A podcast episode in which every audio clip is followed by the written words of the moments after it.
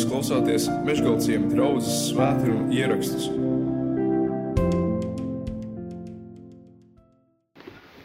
Jūs varbūt būsiet dzirdējuši par tādu zādzības veidu šajos laikos, eh, ko sauc par identitātes zādzību.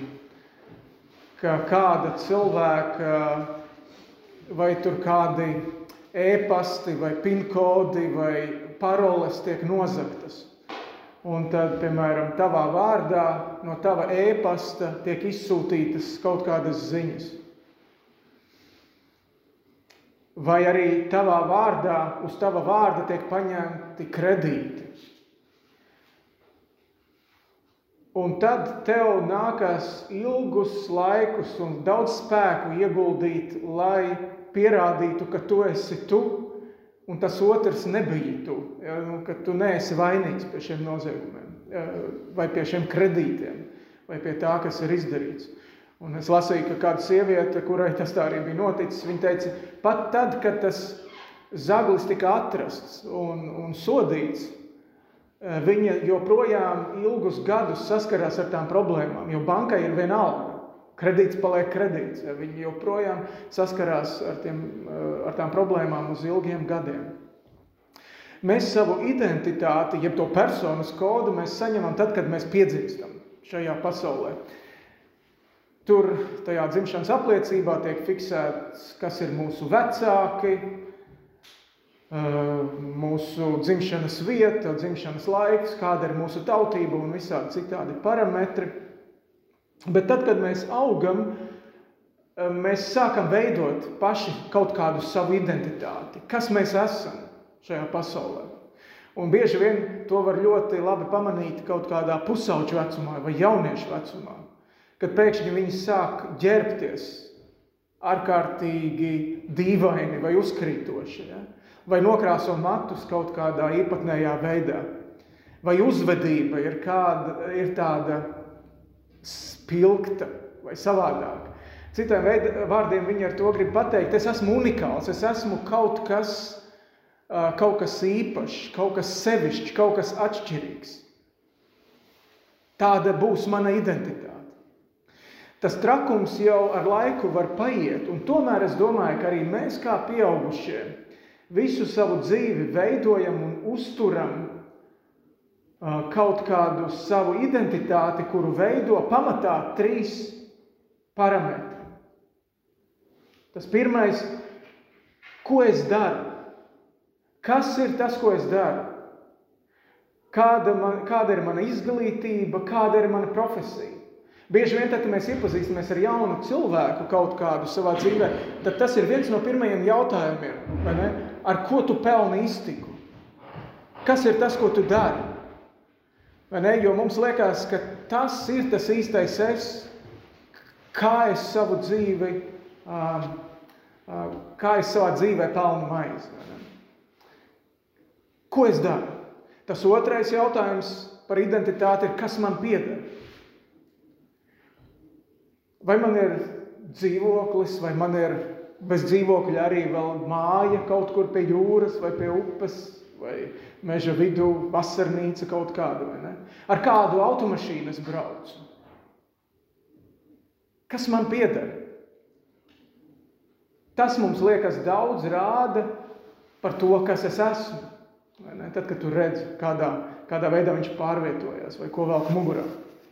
Ko es daru, kas man pieder, un trešais parametrs, pēc kura mēs savu identitāti bieži vien nosakām, ir ko citi par mani saka, ko citi par mani domā. Kā tikai ja es kaut ko šito izdarīšu, ko citi par to teiks? Un daudzreiz mēs, tas mūs spiež iekļauties kaut kādā pamatplūsmā, kāda nu, sabiedrība ir, tādā mēs apmēram virzamies līdzi. Lai tikai citi nepateiktu vai nepadomātu par mums kaut ko. Un tas varbūt nav slikti, vienā, virzē, vienā veidā. Mums nav jābūt ļoti, ļoti atšķirīgiem no, no citiem un pārējiem, bet bieži vien, bet bieži vien tas mūs dara atkarīgus no kaut kā, no kaut kāda virziena, kurā mēs paši patiesībā negribētu doties. Un tas mūs kādreiz var turēt cietumā. ko es daru, kas man pieder un ko citi par mani saka. Tās ir tādas trīs pamat identitātes lietas, eh, kuras mēs visi uh, nu, mēģinām savā dzīvē uzturēt. Bet, kad mēs kļūstam Jēzus Kristus sekotāji, Bībele saka, ka tajā brīdī notiek vēl viena jauna piedzimšana. Notiek jauna piedzimšana un tiek iedota jauna identitāte tev un man, kā Jēzus Kristus sekotājiem. Tā mūsu vecā daba, Bībele saka, tas mūsu grēcīgais cilvēks tiek piekalts pie krusta. Apostols Pāvils Galatiešiem 2.20 viņš saka, līdz ar Kristu es esmu krustā sists, un nu vairs nedzīvoju es. Ja? Tur notiek kaut kas īpatnējs. Tas, tas mans vecais es mirst tajā brīdī un piedzimst jauns. 2. korintiešiem 5.17. Tad, nu, kas ir, viss, kas ir bijis, vecais, kas ir bijis, ir pagājis, redzi, viss kļuvis jauns. Tā ir Bībeles vēsts. Tagad šo manu identitāti vairs nevajadzētu noteikt tam, ko es daru, kas man pieder un ko citi par mani saka. Tas viss tagad paliek, paliek otršķirīgi. Jo manu jauno identitāti nosaka tagad Dievs. Nosaka tas, ko mans debesu tēvs par mani saka. Un tas ir ļoti būtiski. Mēs lasījām no Mateja evaņģēlija paša sākuma par Jēzus darbības pašu sākumu. Viņš vēl neko nav sācis darīt. Viņš ir tikko atnācis pie Jāņa, Jordānas krastā, ticis kristīts. Pirms vēl viņš ir sācis kaut ko darīt, kalpot brīnumus darīt. Pirms vēl kāds kaut ko saka vai domā, kas Jēzus tāds ir. No debesīm atskan balss, 3. nodaļas 17. pāns. Šis ir mans mīļais dēls, uz ko man ir labs prāts. Tas ir Dieva apliecinājums par to, ko Dievs domā par Jēzu. Šis ir mans mīļais dēls, uz ko man ir labs prāts. Ko Bībele saka par Dieva bērniem? Ko Bībele saka par tevi un mani, kā Kristus sakotājiem? Tur ir būt daudzas lietas un vietas, kur mēs varētu šķirstīt un lasīt. Ja? Bet, piemēram, vecajā derībā iesēja saka, abās savu roku plaukstās es tevi esmu ierakstījis. Tik dārgs tu man esi. Pirmajā vēstulē korintiešiem Pāvils eh, divas, divas reizes vienais otrs atkārto, jūs esat dārgi atpirkti, jūs esat dārgi atpirkti. Nekļūstiet vairāk par cilvēku vergiem atpakaļ. Neiet atpakaļ no turienes, no kurienes jūs esat izrauti. Pēters tieši to pašu saka, jūs neesat atpirkti ar sudrabu un zeltu no savas vecās dzīves, bet ar dārgajām Kristus asinīm. Tāda ir tava vērtība. Tas ir tas, ko Dievs par tevi saka, kad Viņš uz tevi skatās. Bet kas bieži vien notiek, un ko mēs ieraugam arī šeit, ka Jēzus no šī ļoti augstā punkta, kurā viņš ir saņēmis šo apliecinājumu, kurā viņš ir kristīts, viņš uzreiz nākamajā mirklī nokļūst pārbaudījumā. No ūdens izkāpis, Viņš uzreiz tiek nogādāts sausā tuksnesī, tuksnešainā vietā, lai tiktu pārbaudīts. Un viņu pārbauda pats vēlns. Un vēlns eh, tas ir tātad grieķu vārdā diabolos, eh, ko mēs arī citās valodās arī viņš ir šis vārds atpazīstams. Viņš nozīmē apsūdzētājs apmelotājs. Un, Jēzu, un, un, un šis apsūdzētājs, apmelotājs testē Jēzus identitāti. Un cik bieži arī mūsējo, vai ne? Tas testē. Klausies, tu esot, es dzirdēju, ka tu esot Dieva dēls. Es dzirdēju, ka tu esot Dieva bērns. Bet ja tu esi, ja, Ja tu esi, Vēlns viņam saka, tad dari. Ja tu esi Dieva bērns, tad dari brīnumainas lietas. Nu, paņem šos akmeņus, kas te mētājās apkārt, bez jēgas, bez vērtības, dari viņus par maizi. Esi veiksmīgs. Un klausies, tev varētu arī piederēt viss. Skaties, visas šīs pasaules valstības un šī, šīs, šī godība tā man pieder, un es tev viņu varu dot. Tev varētu šis viss piederēt. Un ja tu uzkāpsi tur uz tā dievnama jumta un metīsies lejā, un ir taču rakstīts, ka eņģeļi noķers tevi, tad visi cilvēki uzreiz ieraudzīs un padomās un atzīs, ka tu esi mesija. Vai tad tas nav tas, ko tu gribi? Dari to, ja vien tu esi Dieva dēls. Un redziet, tas svarīgais ir, ka mums ir jāzina Dieva vārds. Mums ir jāzina Dieva domas, mums ir jāzina Dieva, uh, dieva pavēles un Dieva aps, uh, apsolījumi. Tāpēc, ka mūsu ienaidnieks ir apsūdzētājs. Mūsu ienaidnieks Bībele par viņu saka, ka viņš ir melis. Un tad, kad viņš runā melus, viņam nekas nav jā, jāizdomā. Viņš runā tāpēc, ka viņš tāds ir. Viņš ir melis. Jāņem evanģēlijas 8. nodaļa to saka, un Jāņem evanģēlijas 10. nodaļa Tas, kurš kāp iekšā pa logu un nenāk pa durvīm, tas ir zaglis. Un zaglis nāk tikai, lai nokautu un nomaitātu. Viņš ir zaglis. Viņš zog tavu identitāti. Un tā, par nožēlu šī ienaidnieka sabiedrotais bieži vien ir mūsu paša miesa, mūsu pašu vecais Ādams. Jo mūsu miesai ir savi ieradumi un savas vēlmes. Un tāpēc ļoti bieži šim melim, šim apsūdzētājam, šim zaglim ir tāda viegla pieeja caur mūsu emocijām, mūsu dzīvē. Tas ir tik spēcīgi. Jo tās emocijas, ja tās nesāk uz mums runāt vai vilkt kaut kādā virzienā, tad tās bieži vien uzvar mūsu prātu. Kā prātu mēs saprotam, ka mēs darām kaut kādas baigās muļķības, un tas ir grēks, un tas ir nepareizi, un tomēr tās emocijas mūs velk tajā virzienā.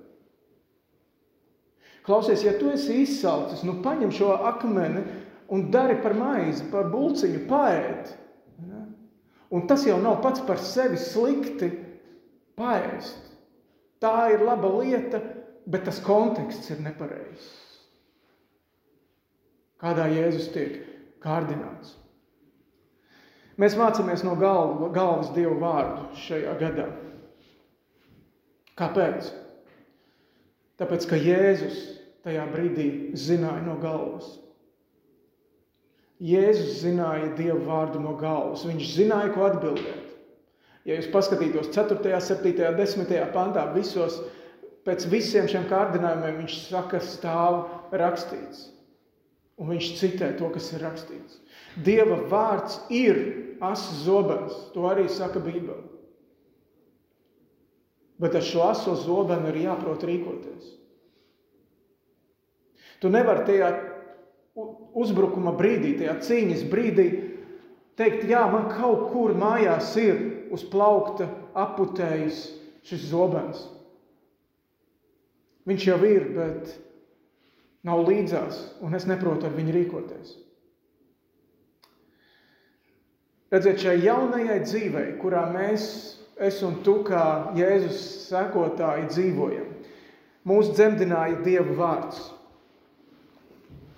Jēkabs to saka savas vēstules sākumā, 1. nodaļa 18. pāns. No brīvas gribas viņš, Dievs, mūs ir dzemdinājis. Ar ko? Ar patiesības vārdu. Un arī Pēters pirmajā vēstulē Sākumā atkal pirmā nodaļa, 23. pāns. Jūs esat atzimuši ne no iznīcīgas sēklas, bet neiznīcīgas, no dzīvā un paliekamā dieva vārda. Tas mūs ir dzemdējis, tas mūsos šo ticību ir atraisījis. Un ja emocijas tevi ņem un kādā brīdī apsūdz, tad tev ir pilnas tiesības atbildēt, ne jūs mani dzemdinājāt. Ja, emocijas mūs varbūt atveda līdz tam, ka mēs sākām meklēt, vai ka mēs sākām jautāt ne, par to, par dzīves jēgu un tam līdzīgi. Bet par jaunu radījumu mūs uh, darīja tikai Dieva vārds. Un tikai Dieva vārdam ir tiesības noteikt, kas mēs esam. mūsu identitāti, ne tavām emocijām. Dieva vārds iedod arī tādu pareizu perspektīvu, kad mēs skatāmies uz kaut kādām idejām vai notikumiem, nu, kaut kur, kas mums apkārt notiek. Mēs varam uz to skatīties vai nu caur mēdījiem un ziņām, ko lasām, vai caur to kultūru šī laikmetā, kādā dzīvojam, bet var arī skatīties caur Bībeli, caur mūžīgo un paliekamo Dievu vārdu, jo tur ir atrodams dievredzējums uz visām šīm lietām un idejām. Jo cilvēks un kultūra tas ir mainīgas lietas. Mateja evanģēlijā 15. nodaļā tur ir vesela nodaļa veltīta tam, kā Jēzus cīnās ar sava laika farizējiem. Jo tie teica, redz, kur tavi mācekļi tur neievēro kaut kādus vecāju likumus. Bet viņš saka, bet, kā, bet kāpēc jūs ar savām tradīcijām neievērojat Dieva likumu, kas nāca vispār pirms un pāri visam? Un viņš saka, ka tādā veidā jūs iekrītat tajā pašā slazdā, kādā iekrita tie pirmie cilvēki ēdenē. Kad viņiem likās, ka nepaklausīt Dievam, tā būs, tā būs lielāka gudrība. Un kopš tā laika visi cilvēki, visās paudzēs, saka, ka mēs būsim tie, kas celsim savu vārdu. Mēs noteiksim to, kas mēs esam. Bet tur, kur cilvēks pats sevi ieliek centrā, tur agrāk vai vēlāk būs ziepes. Kāpēc? Tāpēc, ka mēs zinām, pats pirmais pantiņš, ko mēs mācījāmies, ka bijība tā kunga priekšā ir visas gudrības sākums.